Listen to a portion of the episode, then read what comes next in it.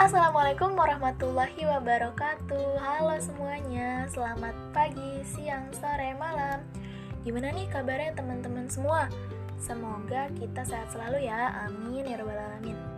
Oh iya, karena hari ini bertepatan pada tanggal 17 Agustus Saya ingin mengucapkan Dirgahayu Republik Indonesia yang ke-76 Wah, sudah 76 tahun loh negara ini berdiri.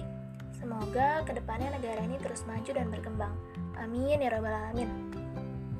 Hmm, ngomongin soal kemerdekaan, kali ini saya ingin membahas salah satu tokoh yang ikut andil dalam penulisan naskah teks proklamasi. Ayo, ada yang tahu siapa? Ya, betul, Laksamana Maeda. Nah, kalian tahu gak sih siapa Laksamana Maeda ini? Bernama lengkap Laksamana Muda Tadashi Maeda, ia merupakan sosok salah satu perwira tinggi Angkatan Laut Kekaisaran Jepang. Ia lahir di Kagoshima, Jepang pada tanggal 3 Maret 1898. Selama di Indonesia, ia menjabat sebagai Kepala Penghubung Angkatan Laut dan Angkatan Darat Kekaisaran Jepang. Beliau ini memiliki peran yang cukup penting loh dalam kemerdekaan Indonesia. Kenapa bisa dibilang cukup penting? Nah, karena beliau inilah yang mempersilahkan kediamannya yang berada di Jalan Imam Bonjol nomor 1 Jakarta Pusat sebagai tempat penyusunan naskah teks proklamasi.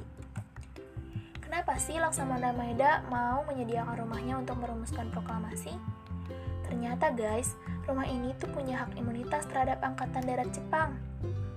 Jadi, pemerintahan Jepang tidak akan curiga kepada Insinyur Soekarno dan Muhammad Hatta sehingga kedua pemimpin itu tetap aman dalam merumuskan naskah kemerdekaan.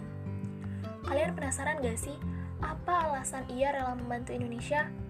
Secara kan ia merupakan seorang perwira tinggi dari Jepang gitu. Nah jadi teman-teman, ternyata ia sudah berkenalan dekat dengan petinggi di Indonesia, seperti Insinyur Soekarno, Mohatta, dan para petinggi lainnya. Selain itu, ia juga merasa simpati kepada bangsa Indonesia karena ia telah melihat perjuangan rakyat Indonesia yang sangat besar untuk mencapai kemerdekaan ini. Setelah Indonesia merdeka dan Jepang harus angkat kaki dari tanah air, kehidupan Laksamana Maeda berbalik. Ia harus menerima hukuman penjara selama 2 tahun karena dianggap sebagai pengkhianat. Dan ia juga harus mengikuti pengadilan militer.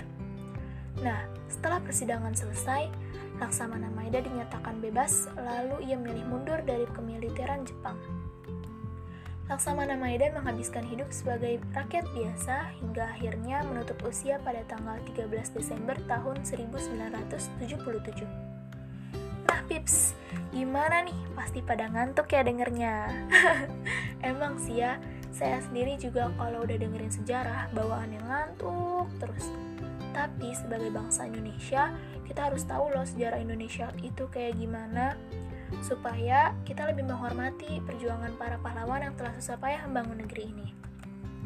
Oke deh, mungkin podcast kali ini sampai di sini aja kali ya. Saya sebagai pengisi podcast ingin mengucapkan terima kasih buat semua yang udah mendengarkan. Stay healthy and don't forget be happy. Goodbye. Wassalamualaikum warahmatullahi wabarakatuh.